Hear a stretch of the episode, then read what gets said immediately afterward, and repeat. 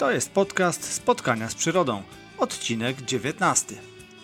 W tym odcinku moimi gośćmi są Ornithoholics, czyli Kasia Komarowska i Maciek Kowalski.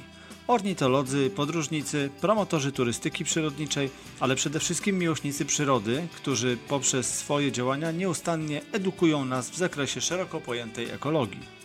Długą rozmowę z Kasią i Maćkiem podzieliłem na dwie części. Dzisiaj usłyszycie głównie o ich niesamowitej przyrodniczej podróży, w jaką ruszyli późną wiosną. Przez 60 dni przemieszczali się wzdłuż naszej wschodniej granicy, odwiedzając zarówno te najbardziej znane punkty na przyrodniczej mapie Polski, takie jak Puszcza Białowieska czy Bieszczady, ale także odkrywając dla siebie m.in. Suwalszczyznę, Puszczę Solską czy Góry Słonne. Usłyszycie m.in. jakie uczucia towarzyszyły im podczas obserwacji jednych z ostatnich w Polsce krasek, o tym jak trzęsące się z wrażenia ręce nie ułatwiają sfotografowania głuszca siedzącego na pobliskiej gałęzi, czy wreszcie o wyjątkowych obserwacjach kolejnych gatunków ważek. Dowiecie się skąd pomysł i jak wyglądały przygotowania oraz realizacja tej niesamowitej wyprawy. Nie zabraknie też informacji o tym, co aktualnie dzieje się w świecie przyrody. W takim razie zaczynamy! Ja nazywam się Michał Stanecki, a Spotkania z Przyrodą to podcast poświęcony przyrodzie i fotografii przyrodniczej. W audycji poruszam tematy ważne dla miłośników przyrody, obserwatorów i fotografów. Zapraszam gości, czasem zawodowców, czasem amatorów, ale zawsze pasjonatów przyrody, specjalistów z różnych dziedzin. Jeśli chcesz odpowiedzialnie obcować z naturą, lepiej ją rozumiejąc, jeśli chcesz być skuteczniejszym obserwatorem, a także robić lepsze zdjęcia, to ten podcast jest właśnie dla Ciebie. Zapraszam.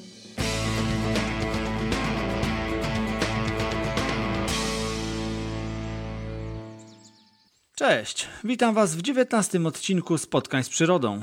Wracam po krótkiej przerwie. Fizycznie pozytywnie zmęczony, bo przez niespełna dwa tygodnie, w sumie 9 dni, po szlakach Pogórza Przemyskiego i ścieżkach Polesia i lasach sobiborskich przewędrowaliśmy razem z żoną i naszymi psami prawie 250 km. Wracam z przewietrzoną głową i nowymi pomysłami, choć Powrót do obecnej rzeczywistości niestety dość szybko ściąga nas na ziemię. Zostawiamy jednak pandemiczną stronę życia i przechodzimy do moich gości. Gdy studentka zoologii w Cambridge i czasowo obserwatorka ekologiczna na stacji antarktycznej połączyła siły z przyrodnikiem, historykiem i perkusistą metalowego zespołu, wiadomo było, że powstanie para o wyjątkowym potencjale. Swój entuzjazm i energię skierowali w szeroko pojętą działalność przyrodniczą. Obserwują i fotografują ptaki, odkrywają świat owadów ze szczególnym upodobaniem ważek, podróżują po Polsce i po świecie, uganiając się za obiektami swoich pasji. Jako przewodnicy przybliżają też świat przyrody innym, a na swoim blogu wyjątkowo ciekawie i pozytywnie edukują, poprzez swoje obserwacje i relacje z podróży, nawiązując do tematów powiązanych z ochroną przyrody. Wiosną tego roku mieli realizować przygodę życia, podróżując po Stanach Zjednoczonych – gdy szalejący wirus pokrzyżował im plany, nie poddali się. Mocno się przeorganizowali i ruszyli w wielką przyrodniczą podróż wzdłuż naszej wschodniej granicy. Zjechali Polskę od Puszczy Północnego Wschodu po krańce bieszczackiej krainy. Posłuchajcie opowieści o tym, co widzieli, czego doświadczyli i po prostu co przeżyli podczas tych niesamowitych dwóch miesięcy. Zapraszam Was teraz do wysłuchania pierwszej części rozmowy z Ornithoholics. Cześć Kasiu, cześć Maćku. Bardzo się cieszę, że mogliście się na chwilę zatrzymać w swoich podróżach i, i usiąść do mikrofonu, y, chwilę ze mną porozmawiać. Przedstawcie się słuchaczom i powiedzcie, czym się zajmujecie. Cześć Michał, ja nazywam się Kasia Komarowska, jestem studentem zoologii na Uniwersytecie Anglii Arabskiej e, w Cambridge. To jest mój ostatni rok, czwarty. E, rok temu byłam na stacji antarktycznej imienia Arcytowskiego jako obserwator ekologiczny, a poza tym również zajmuję się przewodnictwem ekologicznym e, w różne regiony świata, innymi Islandia, Finlandia czy e, Białowieża i Biebrza. Cześć Michał, jestem Maciek Kowalski i poza tym, że jestem przyrodnikiem, to również przewodnikiem, ale też historykiem, bo studiowałem historię również muzykiem, gram w zespole metalowym na perkusji. Pasjonuję się też Czechami, więc tak wszystkiego po trochu. Ale oczywiście w centrum uwagi zawsze jest przyroda i ptaki. No właśnie to jest to, co najbardziej Was urzekło w przyrodzie, za tym się najczęściej uganiacie, czyli za ptakami? Jak sama w sumie nazwa naszego bloga wskazuje, tak właśnie jest. cała reszta gdzieś tam powstała na drugim planie, na trzecim i myślę, że chociaż chwilowo, coś sezonowo poświęcamy więcej uwagi teraz już czasem owadom yy, czy ssakom, to jednak zawsze będziemy wracać do tego mianownika głównego, wspólnego, jakim są ptaki. No z tą nazwą to właśnie wcale nie jest takie oczywiste, bo jak się patrzy na wasze relacje i, i, jakieś wpisy chociażby na Facebooku, to bardzo często pokazują się tam e, chociażby ważki, czy po prostu inni przedstawiciele świata owadów, więc wychodzi na to, że ptaki są takim głównym nałogiem, ale no jest też fascynacja właśnie światem owadów. Skąd ona się wzięła? Myślę, że to jest taka naturalna konsekwencja tego, że gdy się wychodzi w teren, to y, nie widzi, nie widzi się tylko ptaków, ale również całą tą bioróżnorodność, która nas otacza, y, w skład której wchodzą innymi właśnie owady, czy, czy gady, czy płazy, czy ssaki. I może dodatkowo to, że na y, Facebooku pojawiają się różnego rodzaju grupy, które w centrum zainteresowań mają właśnie te e, grupy zwierząt, gdzie można wstawić swoje zdjęcie, gdzie można znaleźć e, odpowiedź na pytanie, co to jest za gatunek. E, I wydaje mi się, że to też sprawia, że człowiek coraz bardziej i coraz głębiej wchodzi w inne, inne gromady zwierząt, nie tylko ptaki. W moim przypadku ważki były taką odskocznią na okres letni, kiedy tak naprawdę ptakach, jeżeli nie mamy jakichś konkretnych projektów akurat badawczych, którymi się zajmujemy, no to niewiele powiedzmy mają tereny wokół naszego miejsca zamieszkania do zaoferowania w tym okresie. Ptaki są raczej wyciszone przez środek sezonu lęgowego, jeszcze się migracja nie, nie zaczęła jesienna, no i ważki się okazują taką fajną odskocznią w tym okresie, ważki czy, czy motyle jakąś motywacją do wychodzenia w teren na taki, do takich miejsc jak zbiorniki wodne, czy jakieś doliny rzeczne, które inaczej chyba by nie były aż tak regularnie przez nas odwiedzane. No a przy okazji w sumie ptaki na tym też zyskują, bo jak się okazuje, o każdej porze roku przecież można coś no świetnego czy wyjątkowego zaobserwować. Z tym, że właśnie czasami się to teraz dzieje u nas odwrotnie, że zbieramy się w teren w czerwcu czy w lipcu, czasem głównie dla owadów, ale przy okazji też procentuje to jakimiś ciekawymi obserwacjami ptaków. Tutaj jako przykład można podać e, głuszca, którego widzieliśmy pod koniec lipca w, w Laszcach Janowskich. O, do głuszca dojdziemy oczywiście. Za, za chwilę będę Was o to pytać. No okej, okay, dobra, czyli taki temat uzupełniający, który gdzieś tam też e, otwiera głowę i staje się no, jakby częścią tej, tej e, wielkiej potrzeby chłonięcia przyrody, tak całościowo chyba można to tak powiedzieć, nie? Właśnie tak. Czasami jest tak, że są takie przypadki. Nie tak dawno rozmawiałem z Robertem Kozakiem, e, pasjonatem świata grzybów, który zaczynał od tego, że właśnie fotografował e, grzyby i mówimy tutaj oczywiście o tych grzybach nieoczywistych, nie o tam kilku gatunkach grzybów jadalnych, tylko o całej masie pozostałych I, i, gdzieś tam się ta szala przechyliła w taką stronę, że dzisiaj Robert oprócz tego, że jest świetnym fotografem e, właśnie takim tematycznym, to stał się po prostu niesamowicie skutecznym odkrywcą grzybów, ich stanowisk i, i no, gdzieś tam już się zapisał na kartach nauki, bo, bo odkrywał stanowiska czy w Puszczy Białowieskiej, czy gdzie niegdzie w kraju, które są po dwa czy trzy w całej Europie. Także z tymi odskoczniami tak czasami bywa, że gdzieś ktoś czegoś tam próbuje i go to potrafi tak dynamicznie wciągnąć, że koniec, nie? Po szyję. To, że owady właśnie stwarzają dużo możliwości. Wciąż jest mało odonatologów, wciąż jest mało e, osób zajmujących się, nie wiem, kuskowatymi, prostoskrzydłymi i tak naprawdę każdy, kto jakoś e, bardziej stara się wciągnąć w temat, no to jednocześnie po, po latach staje się też jednym z lepszych ekspertów, chcąc nie chcąc, w kraju, gdzie tak naprawdę naukowców, oczywiście mamy kilku w każdej dziedzinie, ale tą naukę też muszą robić e, ludzie w terenie, którzy są potrzebni do tego, żeby odkrywać nowe stanowiska, odkrywać nowe miejsca poszczególnych gatunków, a czasami właśnie odkrywać gatunki. Nie, no tak, nie tak dawno słyszałem o, o podobnych właśnie historiach związanych z prostoskrzydłymi, kiedy ktoś zainteresowany tematem przyjechał na południe Polski i wykrył w ciągu kilku dni tam dwa czy trzy nowe gatunki dla, dla Polski. Wow. No fajnie. No to tak, to widzę tutaj analogię i, i, to też się zgadza z tym, co, o czym mówił y, Robert, że takie wsparcie dla, dla nauki jest potrzebne, bo właśnie ta pasja często nadgania też braki, czy to w kadrze, czy po prostu czasami nawet w możliwościach. No tutaj chociażby przy badaniu grzybów jest dosyć ciężko czeka się na wyniki jakieś tam badań mikroskopowych, chociażby bardzo długo, a badań DNA to już w ogóle jest y, kosmos. No dobra, to zostawmy na chwilę te poboczne tematy. Jak już y, wspomniałem, dosyć dużo podróżujecie i, i mówię tutaj o tych waszych wyprawach, y, no cały czas gdzieś tam ten ogień pasji się tli, to was nakręca. Byliście gdzieś w ostatnich dniach? Ja właśnie wróciłem z nadmorza. A ja byłam w Drwieńskim Parku Narodowym tym razem się rozdzieliliśmy, ale głównie podróżujemy wspólnie. Jeszcze wracając do poprzedniego wątku, bo nie zdążyłam e, powiedzieć, e, nam również udało się na, e, odkryć stanowisko iglicy małej. To jest taka ma, malutka ważka. To właśnie z iglicą małą była taka historia, że widzieliśmy ją najpierw na stanowisku, który, które dostaliśmy od kolegi, to było gdzieś w rejonie Międzyrzeca Podlaskiego, ale później jeszcze w Puszczy Solskiej udało nam się na no, zupełnie przypadkowym postoju najpierw znaleźć kilka iglic małych, a następnie się okazało, że tych ważek było tam około 1500, być może więcej, bo nie byliśmy w stanie całego miejsca spenetrować ze względu na niedostępność tego zbiornika, ale co jest ciekawe, właśnie Iglica Mała jest jedynym bezkręgowcem w Polsce, dla którego się wyznacza całoroczną strefę ochronną wokół miejsca występowania, więc no, tym samym się też przyczyniliśmy do ocalenia jakiegoś fragmentu Puszczy Solskiej, mamy nadzieję.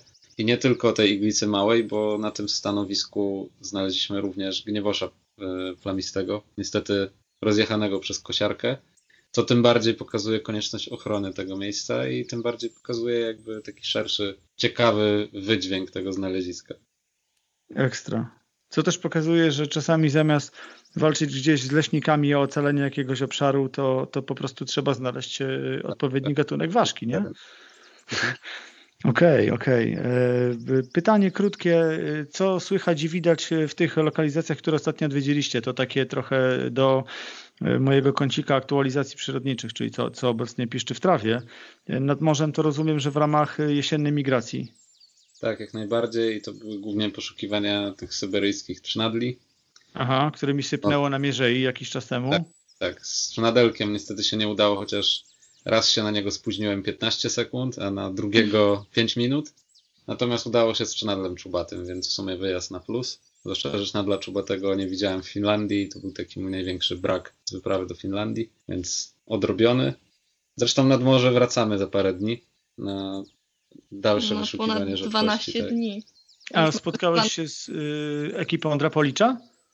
Y, niestety nie, ale też byłem na Półwyspie Helskim, więc... Aha, jasne, oni, oni na mierzei urzędują. Dobra, no pytam, bo, bo też rozmawiałem niedawno z y, człowiekiem mocno zaangażowanym, Samuelem mhm. i, i, i, był też odcinek poświęcony temu. A Kasiu, powiedziałaś o Puszczy y, Drawiańskiej? E, tak, zgadza się. Tylko znaczy o Drewińskim Parku Narodowym, może tak powinienem powiedzieć poprawnie. Tak, dokładnie. Nie pojechałam tam ze względów przyrodniczych, e, tylko na spotkanie z rodziną, ale e, miałam parę ciekawych e, przyrodniczych obserwacji, między innymi dwa e, walczące ze sobą e, samce żuka bycznika i samicę kopiącą norę. A potem, jak wracaliśmy ze spaceru, gdzie widzieliśmy te byczniki, zaobserwowaliśmy jeszcze dosyć późną aktywną traszkę zwyczajną. O, proszę. No i Jasne. to też niestety z obserwacji nic więcej. No, Poruszałaś się y, szlakami? Tak, tak. trafiłaś na zamknięty most? Y, niestety nie. To stety chyba, bo ja byłem tam w sobotę, to taki przypadkowa zbieżność zupełnie. W mhm. ostatnią sobotę miałem krótki rodzinny wyjazd y, na grzyby mhm. i, i ro, rodzina sobie y, zbierała grzyby, łaziła po lokalnym lesie, a my z żoną pojechaliśmy kawałek dalej właśnie po raz pierwszy zobaczyć y, Drawiański Park. Aha. No i taka sytuacja, która lekko nas zagrzała na starcie, bo drogowskazy i oznaczenia szlaków kierują z miasteczka, nazwijmy to, do, do szlaku, gdzie trzeba przekroczyć rzekę. I jak najbardziej ten szlak tam prowadzi, strzałeczki, wszystko jest ok, po czym dochodzi się tam, nie wiem, z półtora czy dwa kilometry na starcie, żeby zobaczyć siatkę, że most jest zamknięty, bo jest do rozbiórki. I odsyłają cię z powrotem, potem trzeba iść na południe, obejść miasteczko, zrobić dodatkowe, nie wiem, 4 czy 5 kilometrów, żeby w ogóle przejść na drugą stronę rzeki. Więc to, jak masz w planie do przejścia około 20 kilometrów y, z buta i na, i na starcie łapiesz coś takiego, no to tak trochę się ciśnienie podnosi, bo wystarczyłaby prosta informacja dokładnie. Gdzieś, gdzieś tam potem ją znaleźliśmy na jakiejś tablicy informacyjnej przy punkcie, no ale to, to było absolutnie coś e, mikrego, co nie rzucało się w oczy, więc taka Mhm. lekka e, Mhm. skucha. Tam ornitologicznie nic cię nie powaliło. Mm, absolutnie nic, tylko Jakieś klucze, coś tam na niebie. no niestety. My tam nic. coś jakieś widzieliśmy, tak, tak, jakieś żurawie ciągnęły. To w zasadzie też było, było raczej tyle. Chciałem was zapytać o no, wyprawę, do której doszło w, można tak chyba powiedzieć, w wyniku epidemii tych wszystkich zmian, które zaistniały, bowiem e, planowaliście e, wyjazd do Stanów. Natomiast e, no, wiemy, dlaczego ta wyprawa nie doszła do skutku w okresie. To była późna wiosna, tak można powiedzieć? Tak. Mhm. i zdecydowaliście się na pewnego rodzaju alternatywę. Co wymyśliliście i jaki był wasz, że tak powiem, trop y, no, rozumowania, że doszliście do tego, że to będzie akurat taka, taka trasa, że takim szlakiem się będziecie przemieszczać? Ten pomysł powstał już w zasadzie na poprzedniej wyprawie górskiej z zeszłego roku. Pomyśleliśmy sobie, że skoro robimy południową granicę Polski, to chcielibyśmy zrobić również y, wschodnią, bo znamy tam parę takich ciekawszych punktów, jak na przykład y, Białowieża czy Dzikie Pola i byliśmy ciekawi, co możemy zobaczyć y, pomiędzy tymi ciekawymi miejscami, czy, czy również odkryje, odkryjemy jakieś miejsca, do których będziemy wracać, czy dałoby się na przykład poznać e, teren nieco z większej perspektywy, skosztować lokalnych przysmaków, odwiedzić nowe miejsca. No i rozpisaliśmy cały plan y, w Google Maps, zaznaczyliśmy sobie wszystkie miejsca, które chcielibyśmy odwiedzić, łącznie z zabytkami, y, z restauracjami czy z agroturystykami, w których będziemy spać i potem realizowaliśmy ten plan przez nieco ponad dwa miesiące. Wschód od zawsze fascynował i nie ukrywam, że gdzieś tam w tyle głowy chyba ten pomysł kiełkował latami, ale w sumie kiedy sytuacja była normalna na świecie, no to zawsze gdzieś tam w czerwcu czy w lipcu, przy tym okresie późnowiosennym były inne pomysły, żeby mając dwa miesiące do dyspozycji spożytkować ten czas, yy, korzystając z okazji czy możliwości jakichś yy, większych funduszy, żeby gdzieś pojechać dalej. No i kto wie, czy w ogóle doszłoby do realizacji tego planu, gdyby paradoksalnie właśnie nie pandemia koronawirusa. Czyli to teraz z perspektywy czasu już można powiedzieć, że nie ma tego złego? No aż tak daleko to chyba bym nie wybiegał, bo jednak mimo wszystko wszyscy wolelibyśmy, żeby życie toczyło się normalnie. Ale Tak. mieliśmy takie szczęście w nieszczęściu, bo zaczęliśmy od Suwalszczyzny, gdzie te restrykcje e, związane z koronawirusem były już tak e, dosyć ograniczone. Nie trzeba było nosić maseczek. Mhm. E, Gdzieś tam rzadko było widać osobę, która wchodzi do sklepu z maseczką, mimo że była jeszcze wtedy taka konieczność. W restauracjach już w ogóle nie, nie noszono ma- maseczek i chyba też właśnie na Suwalszczyźnie otworzyły się pierwsze restauracje, gdzie można było normalnie wejść i coś zjeść w towarzystwie innych ludzi. Więc mieliśmy to szczęście, że w momencie, kiedy e, zaczęliśmy wyprawę, to akurat w miejscu, gdzie, gdzie te restrykcje były najmniejsze. Najchętniej byśmy zaczęli nieco wcześniej tę wyprawę, ale niestety przez koronawirusa wracałam bardzo długo z Antarktyki, potem jeszcze dwutygodniowa kwarantanna i dopiero potem mogliśmy wyruszyć. A gdybyśmy, gdybyśmy wy- wyjechali wcześniej, to wydaje nam się, że widzielibyśmy jeszcze więcej gatunków niż e, to, co publikowaliśmy na naszym blogu. Bo minęliśmy się z takimi gatunkami jak na przykład dzięcioł trójpalczasty, suweczka, włochatka czy puszczyk mszarny w lasach sobiborskich. Mhm. Ja mówiąc o tym, że nie ma tego złego, to oczywiście tylko w kontekście, bo tu no, nic dobrego z tej pandemii nie wynika. Miałem na myśli tylko to, o Mhm. czym mówił też w jednym z wcześniejszych odcinków fotograf Rysiek Sąsiadek, że nawet to, że zostaliśmy przez pewien czas ograniczeni do poruszania się tylko gdzieś e, blisko domu, w jego przypadku e, skutkowało to tym, że w e, takiej naprawdę lokalnie, poruszając się w strefie tutaj lokalnie blisko domu, no odkrył wiele miejsc, których wcześniej nie znał, bo nigdy nie było na to czasu, bo te lokalizacje zawsze przegrywały z jakimiś innymi, a wykorzystał to teraz optymalnie.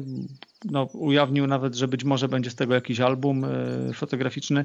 To ja tylko w tym kontekście, że nawet tak trudny czas można też mimo wszystko wykorzystać, no po prostu od niego spożytkować, nie? Nie, nie, nie zwieszać głowy, nie zamykać się w domu. To prawda, z nami właśnie było podobnie i, i też e, bez dwóch zdań doceniamy to, że mogliśmy w ogóle poruszać się po terenie Polski za ptakami, gdzie przecież jeszcze miesiąc wcześniej, czy półtora miesiąca wcześniej. Wszyscy siedzieliśmy w domach, był ten największy lockdown i tak naprawdę nikt nie wiedział, jaka będzie perspektywa jakichś zmian na lepsze i czy w ogóle, przecież pojawiały się takie fatalistyczne głosy, że przez pół roku nie wyjdziemy z domu, więc myślę, że i w tym kontekście możemy się cieszyć, że ta wyprawa została zrealizowana. Przecież to były dwa bite miesiące i wiele się mogło po drodze wydarzyć, no a jednak udało się nawet w takim trudnym czasie, więc myślę, że najgorsze mamy za sobą. No, w tym aspekcie to po prostu był, był jakiś sukces, na pewno tak można powiedzieć. E, rozpoczęliście na Kurpiach i pociągnęliście od Puszczy w zasadzie północnej Polski no, dosłownie przez te super atrakcyjne lokalizacje wzdłuż całej naszej wschodniej granicy, kończąc, kończąc wyprawę w Bieszczadach.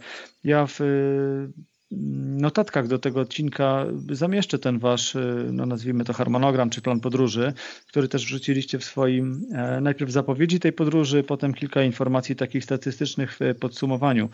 To też y, słuchaczom to przybliżymy.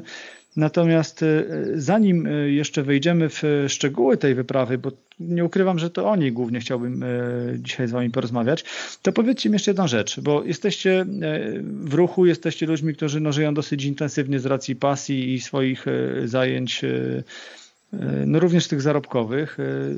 Takie, mm, można powiedzieć, podróżowanie na dużą skalę czasami może skutkować tym, że gdzieś brakuje momentami motywacji, siada inspiracja, no nie wiem, co was cały czas nakręca, że nie dopada was, no chyba, że dopada, syndrom tak zwanego zmęczenia materiału czy jakiegoś wypalenia? Myślę, że z tym nakręcaniem to nigdy nie było problemu, bo pamiętam, że od chyba 10 lat prowadzę sobie nawet taki, takie zapiski e, w Excelu, e, gdzie na bieżąco uzupełniam wszystkie plany i zaczynam już tworzyć szkice jakichś nowych wypraw. Tego jest naprawdę mnóstwo i tych szkiców i kierunków przybywa w większym tempie niż jestem w stanie realizować. I myślę, że z motywacją do podróżowania to problemów nie, nie powinniśmy mieć nigdy, bo Kasia zresztą ma podobnie. I tak samo z, wystarczy czasami jakiś e, taki niuans, wejdę na Facebooka, przeczytam jakąś relację albo jakiś trip report gdzieś w ciekawe miejsce i gdzieś tam już zaczynam powoli kombinować, że w sumie fajny kierunek, może by też to kiedyś spróbować. I to tak naprawdę jedynym ograniczeniem są tego typu przykre historie, jakie się teraz rozgrywają na świecie, myślę, i cała reszta jest w zasięgu. Wszystko można pogodzić tak naprawdę, dopasować do tego trochę też swój styl życia, no bo siłą rzeczy trzeba, jeżeli chce się realizować takie dłuższe też podróże. Natomiast co do wypalenia, wydaje mi się, że może trochę przy tych dłuższych wyprawach, takich jak teraz, dwumiesięczne, to było bardziej zmęczenie niż wypalenie, ale jednak y, gdzieś tam się zaczęły na horyzoncie pokazywać takie sygnały, że może potrzebowalibyśmy też odpocząć chwilę, a tempo było naprawdę duże i było naprawdę dużo do zobaczenia, a jak już człowiek jest w podróży, to też nie chce tak za bardzo marnować czasu na, na przystanki, kiedy wokół są nowe miejsca, nowe możliwości i siłą rzeczy no, trzeba się z tym zmierzyć. Czasem jak przez cały dzień padało i mogliśmy sobie odpocząć, to dla nas było to prawdziwym błogosławieństwem i wtedy widzieliśmy, jacy jesteśmy zmęczeni i jak bardzo potrzebowaliśmy tego jednego dnia odpoczynku. I może po Maćku aż tego tak bardzo nie widać, że jest zmęczony czy wypalony, ale ja po sobie niestety bardzo często widzę i jak na przykład w tamtym roku byliśmy na dwu, ponad dwumiesięcznej wyprawie w góry, no to tam już skończył nam się potencjał zobaczenia czegoś nowego, no bo wiadomo, cały czas góry, to prawda inne, inne miasta, inne widoki, ale cały czas to samo. I tam już pod sam koniec y, już nawet skróciliśmy y, całą wyprawę, bo no też myślę, że Maciek tak podobnie jak ja, y, mieliśmy trochę dość ja już, ja już musiałam wrócić do domu, żeby kupić rzeczy na wyprawę antarktyczną, żeby zorganizować cały wyjazd, żeby wszystko załatwić i cały czas miałam to gdzieś tam z tyłu głowy. Natomiast w tym roku na wyprawie na wschód Polski było odwrotnie, bo cały czas było coś nowego do zobaczenia. Każdy, każda kolejna miejscówka różniła się od poprzedniej dużo bardziej niż w przypadku wyprawy górskiej. Poza tym też y, nie mieliśmy niczego takiego jak w zeszłym roku, jakiejś tam wyprawy, y, do której trzeba było się przygotować, więc poświęciliśmy się w całości tylko organizacji i przeżywaniu y, tego, co mieliśmy przygotowane na tą wyprawę, więc w tym roku było inaczej, chyba byliśmy lepiej przygotowani. Zresztą no, myślę, że to też kwestia tego, że dwa miesiące w górach to jednak jak trzy miesiące poza górami, kondycyjnie, mm -hmm. dużo łatwiej. Taka wyprawa potrafi dać w kość niż dwa miesiące na ścianie wschodniej. Mhm. Na tej ścianie wschodniej to też y, warto zaakcentować, że generalnie te miejscówki, które mieliście w planie, które odwiedzaliście, no to nie ukrywajmy, to są takie bardzo, bardzo mocne punkty na przyrodniczej mapie Polski. To też nie jest tak, że no, jest jakiś potencjał większy albo mniejszy. No, jeżeli mówimy o potencjale, no to tutaj grubo, naprawdę, same, same grube kąski. Od Zgadza samej góry do chociaż, samego dołu, nie? Tak, chociaż trochę problemem był fakt, że nie dało się z fenologią y, wszystkich gatunków, które chcielibyśmy zobaczyć, y, wstrzelić. No siłą rzeczy, jeżeli się planuje wyprawę, która trwa dwa miesiące, nie da, nie da rady, żeby być na niektóre gatunki w idealnym czasie i na inne w idealnym czasie. Mhm. No, chcieliśmy zacząć od y, różnych ciekawych ważek, które były na Suwalszczyźnie na przykład do zobaczenia, ale wiosna była jaka była, pogoda nie dopisywała i po prostu niektórych gatunków tam nie widzieliśmy, potem już nie było e, okazji. Za to wybierając Suwalszczyznę na początek wyprawy, czyli wybierając ten kierunek od północy na południe, Jednocześnie skazywaliśmy się na przykład na wizytę w Lasach Sobiborskich gdzieś tam późnym lipcem, co poskutkowało tym, że było już za późno na zobaczenie puszczyka szarnego i tak dalej, i tak dalej. Niestety właśnie w Białowieży również minęliśmy się z takimi sztandarowymi gatunkami typu y, dzięcioł trójpalczasty, suweczka, jarząbek, nawet żubrów nie było. To zresztą w sumie nie dziwi o tej porze roku. No mhm. natomiast y, to też nie był zmarnowany czas, bo można było po prostu przejść jakieś rezerwaty czy jakieś ścieżki przyrodnicze, których do tej pory nie odwiedzaliśmy i, i nawet cieszyć się z jakichś późno śpiewających mchówek małych. Więc tak naprawdę wszystko jest względne i zależy jak się nastawić do, do tego, jakie się ma oczekiwania. A czy na tej trasie było dużo takich miejsc, których wcześniej nie widzieliście? No całe, całe mnóstwo. Ja na przykład zupełnie do tej pory nie znałem tego wschodu pomiędzy właśnie gdzieś Białą Podlaską a Polesiem Lubelskim. Więc Aha. to było dla mnie zupełnie nowy, nowe miejsce i nowy rejon. Suwalszczyzna tak samo, czy Sejnieńszczyzna była mi zupełnie nieznana, więc przy okazji uzupełniliśmy sobie te wszystkie białe plamy na, mhm. na mapie. I rzeczywiście jest to fajne przeżycie, tak kompleksowo jakiś obszar zjechać północy na południe, czy tak jak wcześniej przez góry Polski ze wschodu na zachód, mając tą świadomość, że się widziało taki pełen kalejdoskop Słuchacie podcastu Spotkania z Przyrodą, w którym moimi gośćmi są Ornitoholics, Kasia Komarowska i Maciek Kowalski. A słuchajcie, w takim razie powiedzcie jeszcze, tak może uchylając trochę kwestii od kuchni, jak to się mówi, jak planuje się taką wyprawę, jakie są założenia logistyczne, czy trzeba dysponować dużym budżetem, dużą kasą, czy jest to jednak rozwiązanie takie, na które no wystarczy, wystarczy w cudzysłowie oczywiście wygospodarować ten czas i, i kasa nie jest tu wcale y, kwestią kluczową, po prostu można, można to sobie poukładać. Jak to wyglądało w Waszym przypadku? E, wydaje mi się, że to zależy od stylu podróżowania, jaki chce się przyjąć, bo trzeba zauważyć, że my planowaliśmy wyprawę do Stanów, więc e, siłą rzeczy musieliśmy odłożyć na to pieniądze, więc dla nas koszty tej wyprawy na wschód nie, nie grały aż takiej roli. Chociaż staraliśmy się oczywiście podróżować budżetowo, bo tak zawsze podróżujemy, mamy taki styl i jakby dążymy do tego, żeby wydać jak najmniej pieniędzy i w miarę nam to się udało. A by, było spane w namiocie? Wzięliśmy namiot, ale niestety nam się nie udało w nim e, przenocować ani jednej nocy. Bo agroturystyki były bardzo tanie, tak 30 zł za noc. Staraliśmy się nie, nie wychodzić poza 40 zł na noc. E, a czasem pola namiotowe były nawet droższe niż, niż agroturystyki, więc wybieraliśmy wygodniejszą opcję z marszu braliście sobie tak turystyki bez y, jakiegoś wcześniejszego bukowania, rozumiem, że dochodziliście gdzieś i, i, i, czy, czy to było aż tak mocno zaplanowane, że konkretnie tu będzie przystanek już mniej więcej wiemy, że tam to można się przespać tu i tu? Zwykle planowaliśmy tak z wyprzedzeniem tygodniowym, bo ten plan, który na początku zaproponowaliśmy na naszej stronie, też się zmieniał w miarę wyprawy. Gdzieś coś, jakieś cele już zrealizowaliśmy, inne miejsce było bardziej takim miejscem rezerwowym na przykład dla tych celów i postanowiliśmy, że możemy już sobie na przykład odpuścić jakiś rejon, gdzie planowaliśmy poświęcić mu 4 dni, na przykład poświęcić 2 dni gdzieś te 2 dni spożytkować na coś innego o większym potencjale. I, I, tak to wyglądało. No, siłą rzeczy nie dało się zaplanować wszystkiego z góry, natomiast y, taki bufor tygodnia zupełnie wystarczał. Zwłaszcza, że z początku y, planowaliśmy faktycznie przemieszczać się z miejsca na miejsce, faktycznie co noc zmieniać y, miejsce pobytu, no ale myślę, że podjęliśmy dobrą decyzję zaraz na wstępie, żeby jednak kumulować y, nasze pobyty w kilku miejscach, tylko na, na całej ścianie wschodniej i starać się nocować w tym samym miejscu przez 4, 5, 6 dni. I to było dużo wygodniejsze, kiedy można było faktycznie cały samochód rozładować, mhm. Y, odpocząć, mieć jakąś taką bazę wypadową, do której się wracało i nie trzeba było się co chwilę tym przejmować, gdzie będziemy spali za, za 3-4 dni. No i nie trzeba było się przepakowywać cały czas, bo mieliśmy cały bagażnik wypełniony naszym sprzętem, rzeczami.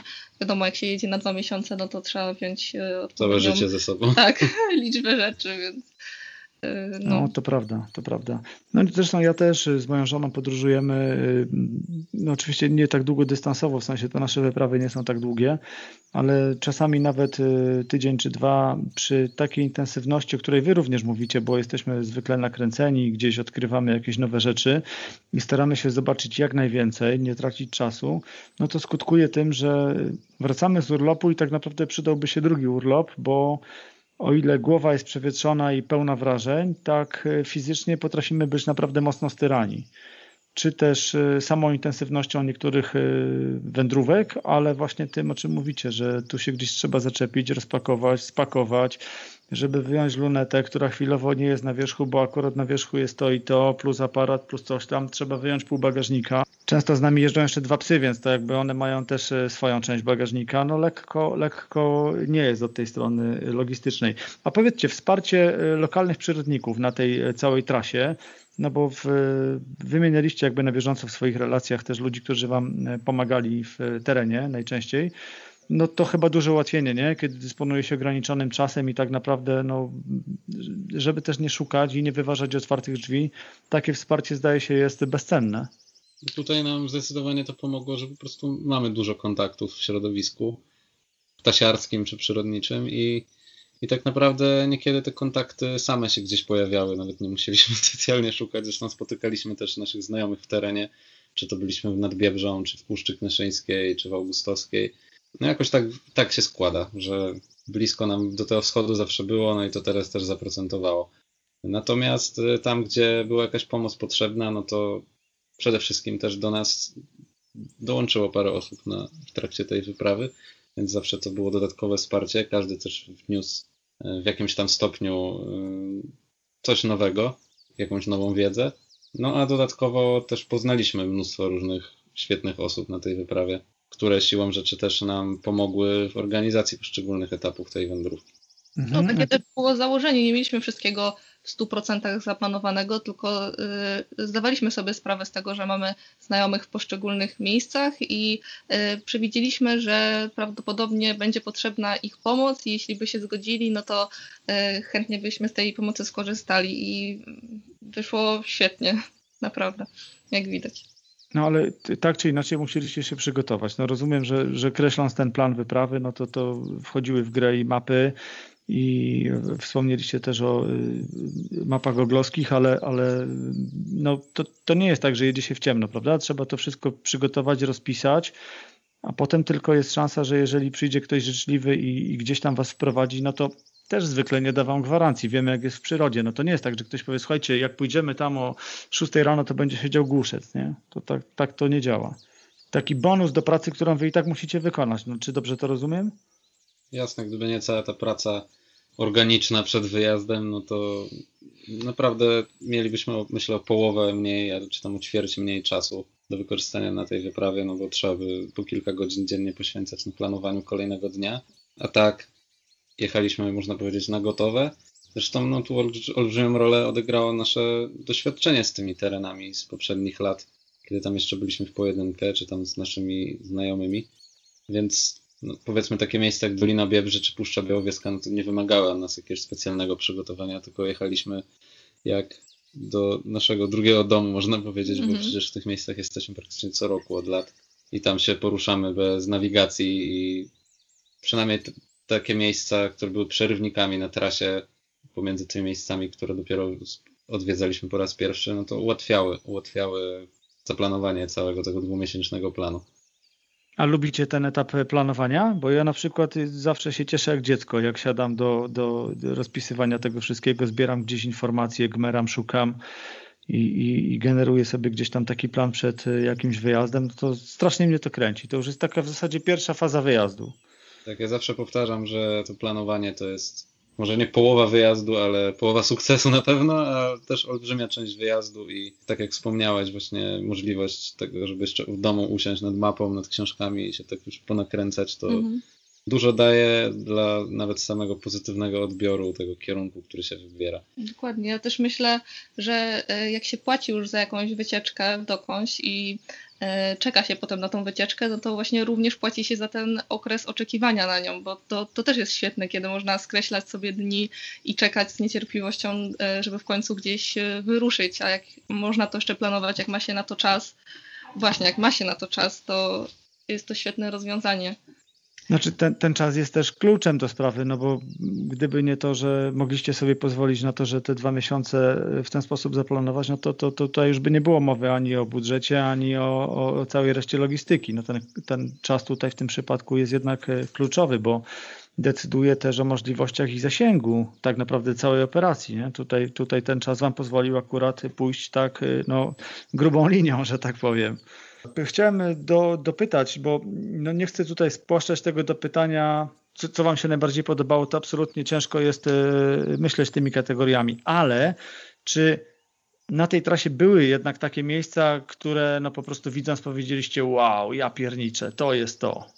No i właśnie tutaj się właśnie przywinęły mi w głowie wszystkie miejsca, które odwiedziliśmy praktycznie, może z paroma wyjątkami, które e, nie zrobiły jakiegoś wielkiego szału może samym swoim wyglądem czy prezencją, ale no, nadrobiły to też gatunkami, więc tutaj zdecydowanie na pewno niczego nie można wykreślić tej listy wartościowych miejsc odwiedzonych.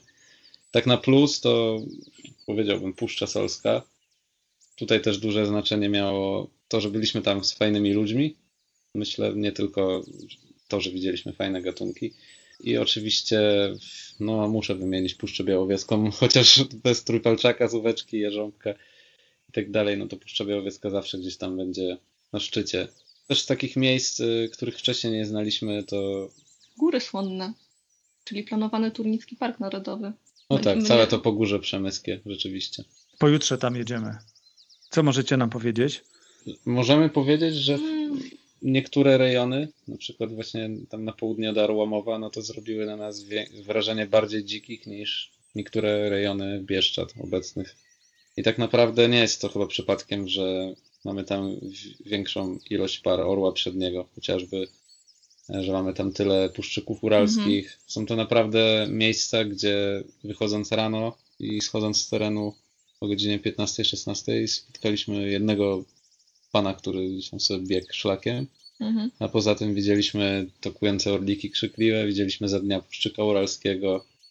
No naprawdę, w Bieszczadach już coraz mniej takich miejsc i bardzo dobrze, że jest jakaś alternatywa, żeby tych Bieszczad nie zadeptywać. Myślę, że jest tutaj pole do popisu i warto by to Pogórze Przemyskie i mhm. Góry Słonne bardziej rozreklamować, bo mimo wszystko jest to taka terra incognita, myślę, dla przeciętnego zjadacza chleba.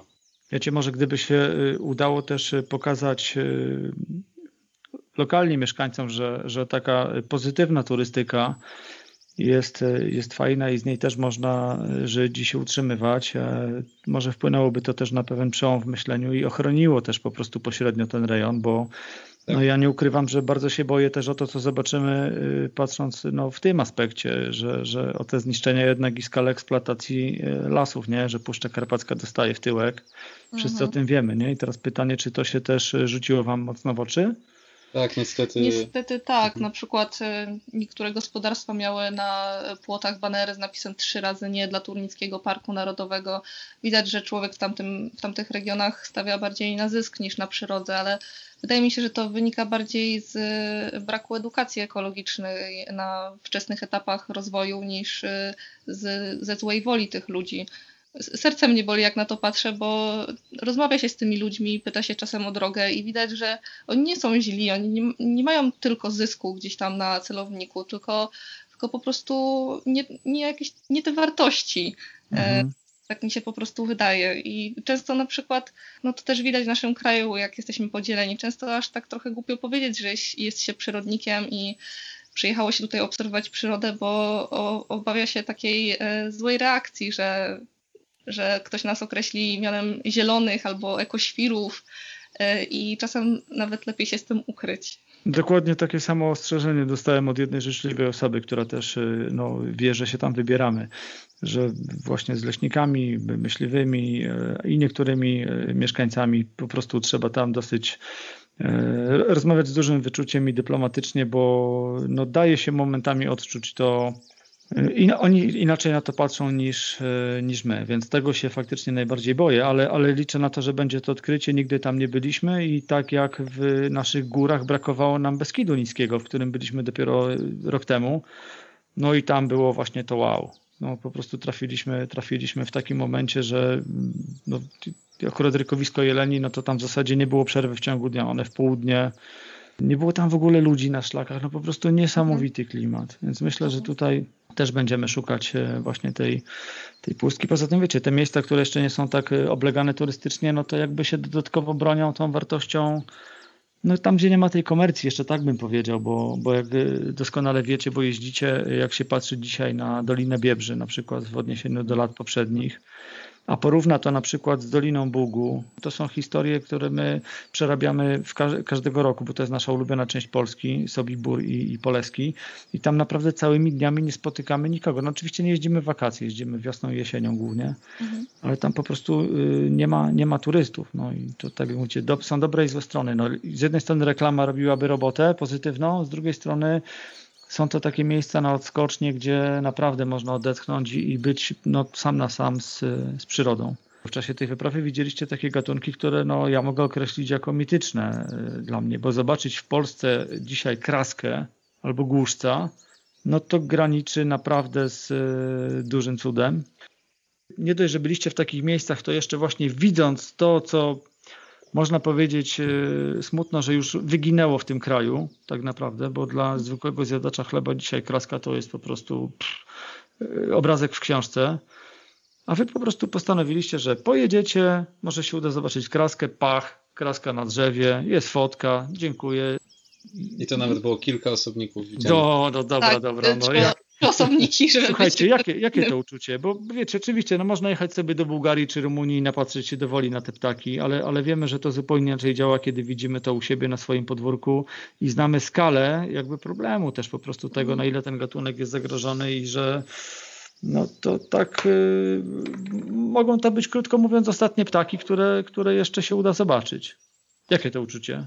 To we mnie mieszały się trzy emocje. Nie wiem, czy satysfakcję można uznać za emocję, ale przede wszystkim była to wielka satysfakcja z tego, że nikt nam nie pokazał konkretnie, gdzie mamy stanąć. Czyli, że udało nam się, mimo że nie mieliśmy dokładnych wskazówek, widzieliśmy ją. Po, po drugie, ym, smutek. Smutek, wielki smutek, że tej kraski jest tak mało i z tego co wiemy, to w tym roku było już tylko 7 par, w zeszłym roku 13 i nie wiemy jaka będzie przyszłość, ale raczej nie wesoła. Myślę, że no, ciężko się było pozbyć tej świadomości, patrząc na te kraski, że patrzymy na coś, co odchodzi, co nieuchronnie odchodzi, bo mhm. tendencja spadkowa populacji kraski w Polsce i na kurpiach jest jaka jest, tych faktów się nie da oszukać i jeżeli się spojrzy na tą krzywą, która się załamuje w drastycznym tempie, no to wydaje mi się, że nawet zaryzykowałbym stwierdzenie, że to było jedno z ostatnich sezon, jeden z ostatnich sezonów, gdzie kraska była jeszcze możliwa do zaobserwowania. Oczywiście cały czas gdzieś jest ta nadzieja, która umiera ostatnia, że coś się uda zrobić, bo widzieliśmy w wielu miejscach e, budki lęgowe. Rozmawialiśmy z ludźmi na miejscu, którzy byli życzliwie nastawieni do tematu ochrony kraski, ale no niestety patrząc na to w szerszym kontekście, na to jak zmienia się sposób użytkowania terenów rolniczych, jak zanikają pastwiska, jakie są zagrożenia dla tych ptaków pod no, okresie tak. migracji mhm. gdzieś na Bliskim Wschodzie, no to ciężko się mimo wszystko pozbyć wrażenia, że to, co oglądaliśmy, będziemy o tym za 20-30 lat opowiadać i, i ludzie będą robić wielkie oczy, że byliśmy tego świadkami w Polsce. Ja jeszcze pamiętam swoje obserwacje krasek z Podkarpacia gdzieś sprzed 8-9 lat. Pamiętam też, e, w jakim byłem szoku, jak się dowiedziałem parę lat temu, że już w zasadzie krasek na Podkarpaciu praktycznie nie ma. No obecnie mamy jedno stanowisko, nawet nie Szyb, wiem. Szybko to poszło, nie? Właśnie. Zdecydowanie za szybko i tak samo jak straciliśmy dzierżbę czarno-czarną czy dzierżbę rudogłową, to niestety chyba kraska, kolejny gatunek ciepłolubny podzieli los tych obu dzierżb. Ja w pierwszej chwili pomyślałem jeszcze o dropiach, ale tam była jednak trochę inna historia, bo to był gatunek, na który przez lata polowano, więc jakby trochę jakby, no ale skutek był dokładnie ten sam, nie? Czy, czy, czy to jest y, drastyczne zmiany w y, uprawach rolnych, czy, czy w tym przypadku było to łowiectwo o wiele lat za długo, no to skutek był dokładnie taki sam, że dzisiaj, żeby te ptaki oglądać, to trzeba jechać, nie wiem, Węgry, Rumunia, Bułgaria i tak dalej. E, Jedne i drugie zresztą, bo tu mówię i o dropiach, i o tych naszych kolorowych perełkach. No a taki, a taki wielki kurak siedzący na drzewie, to już musi być dreszczyk po plecach, co? Mówię o guszczu oczywiście, Wi- wrzuciliście zdjęcie. No to jest, to jest e, marzenie. Jak są to niesamowite emocje i to myślę, że jest się bliskim płaczu ze szczęścia dosłownie Mhm. w takiej chwili i jest to taka chwila, w której patrząc się na takiego mitycznego ptaka, magicznego ptaka, ma się wrażenie, że się po prostu czas zatrzymał. Gdzieś lewitujemy pomiędzy, pomiędzy nami a tym głuszcem. Tak wychodzi się z siebie w obliczu tej obserwacji. No jest to coś niesamowitego i jest myślę kilka takich gatunków w Polsce, które mogą takie emocje wywołać. No, nawet nie wiem, czy głuszec nie jest e, najważniejszym z nich. Ja chociaż do tej pory widziałem głuszce w Finlandii parokrotnie i widziałem głuszce też w Polsce, w Borach Dolnośląskich, w Puszczy Augustowskiej, no to jednak ta obserwacja była dla mnie wyjątkowa i wymarzona, bo miałem cały czas świadomość, że tak naprawdę to jest pierwszy mój polski taki głuszec z, z tej dzikiej, prastarej polskiej populacji, która kiedyś żyła w Polsce, a która się też kurczy w zatrważającym tempie i w zasadzie dzisiaj poza Karpatami, no to tylko na Lubelszczyźnie możemy tego prawdziwego głuszca zobaczyć, no, nie reintrodukowanego. No i takie ptaki mimo wszystko wyzwalają nieporównywalne emocje do jakichkolwiek innych. Czyli to były takie wartości super dodane do całej tej przygody, którą, którą realizowaliście. No bo rozumiem, że same lokalizacje, niektóre pewnie i pod względem takim e, krajobrazowym, inne w zależności od tego, czy, czy nie wiem, były to właśnie owady, no, co, coś konkretnego, co się wiązało z daną miejscówką, ale, ale te, które wyzwalały właśnie tak, tak dużo tych pozytywnych emocji, no to taki super bonus. To, to okrasa, można powiedzieć, nie? Dla, dla całej wyprawy. Zgadza się. A słuchajcie, w takiej sytuacji mimo wszystko macie w sobie zimną krew, no bo jednak fotki są. Czyli, bo wiecie, no znam, Ale znam fo, właśnie fo, fotografa, który mówił, że na przykład w tak y, kluczowych momentach, no czasami emocje są takie, że on potrafi sobie odpuścić i nie podnieść aparatu, nie, do góry. Po prostu napawa się y, obserwacją, czy też, nie wiem, patrzy na, na żywo, czy przez lornetkę. Kasia chyba E. nie ma jednego zdjęcia tego głuszca, takie ręce drżały.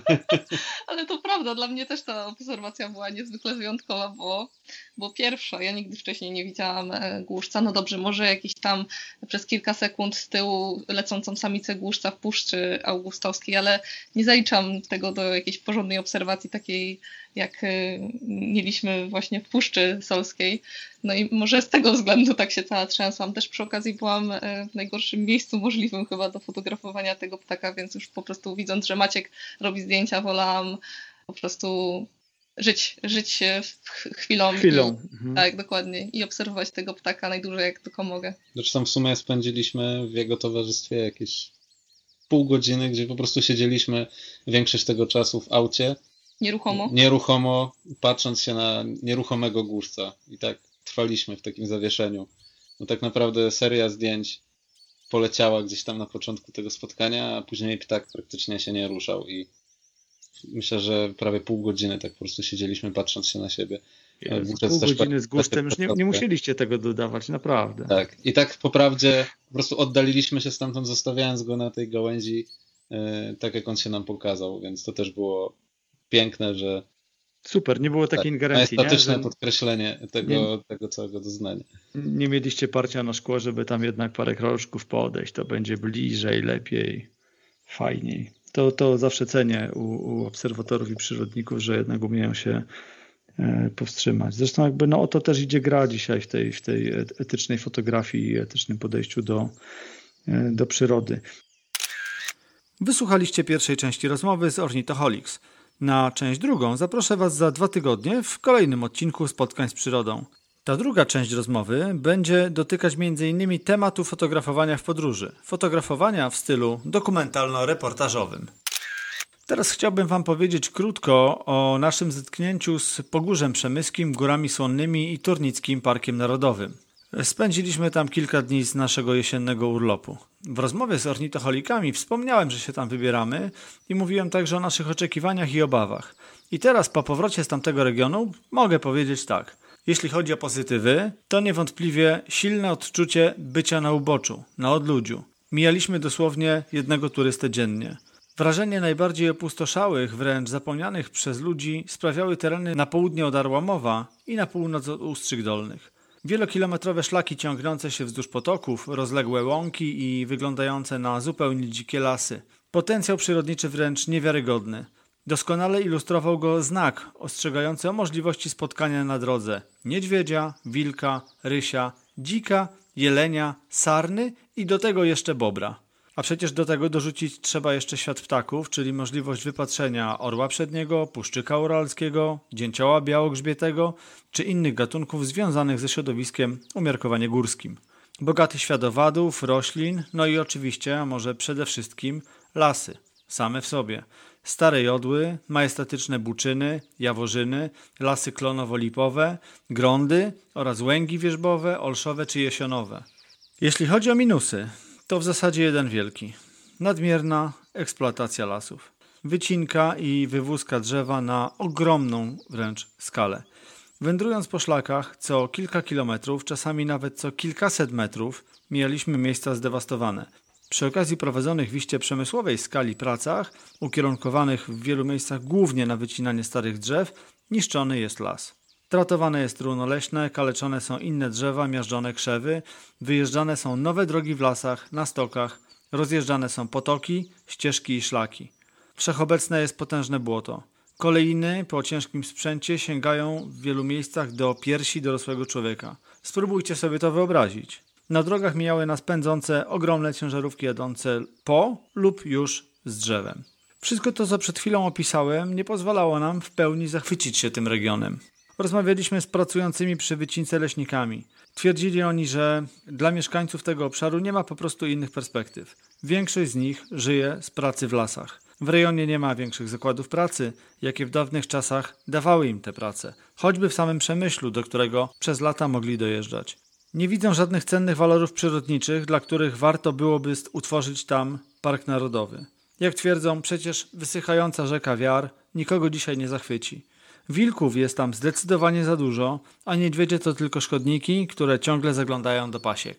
Po tym wszystkim nie zdziwił nas baner wiszący na jednym z płotów, baner, o którym wspomniała Kasia. Las dla ludzi, trzy razy nie dla Parku Narodowego i rezerwatów. Tak obecnie to wygląda ze strony zapewne dużej części mieszkańców tego regionu. Choć na tych terenach mogłoby powstać więcej szlaków turystycznych, więcej infrastruktury, być może chatek noclegowych czy miejsc biwakowych, to obecnie się na to nie zanosi. O potrzebie powołania Turnickiego Parku Narodowego mówi się od 40 lat. Jak widać, żadna z opcji politycznych, które przez ten czas były u władzy, tego nie zmieniła. Czy doczekamy się takiej zmiany? Czy nie jest już za późno? Jeśli chcecie zobaczyć te unikalne w skali kraju miejsca o wyjątkowych walorach przyrodniczych, to spieszcie się i planujcie wyjazd, gdy tylko będziecie mogli. Czas dla tego miejsca upływa bowiem niesłychanie szybko, a samo Pogórze Przemyskie z ostatnimi reliktowymi obszarami Puszczy Karpackiej kurczy się i wręcz zanika na naszych oczach.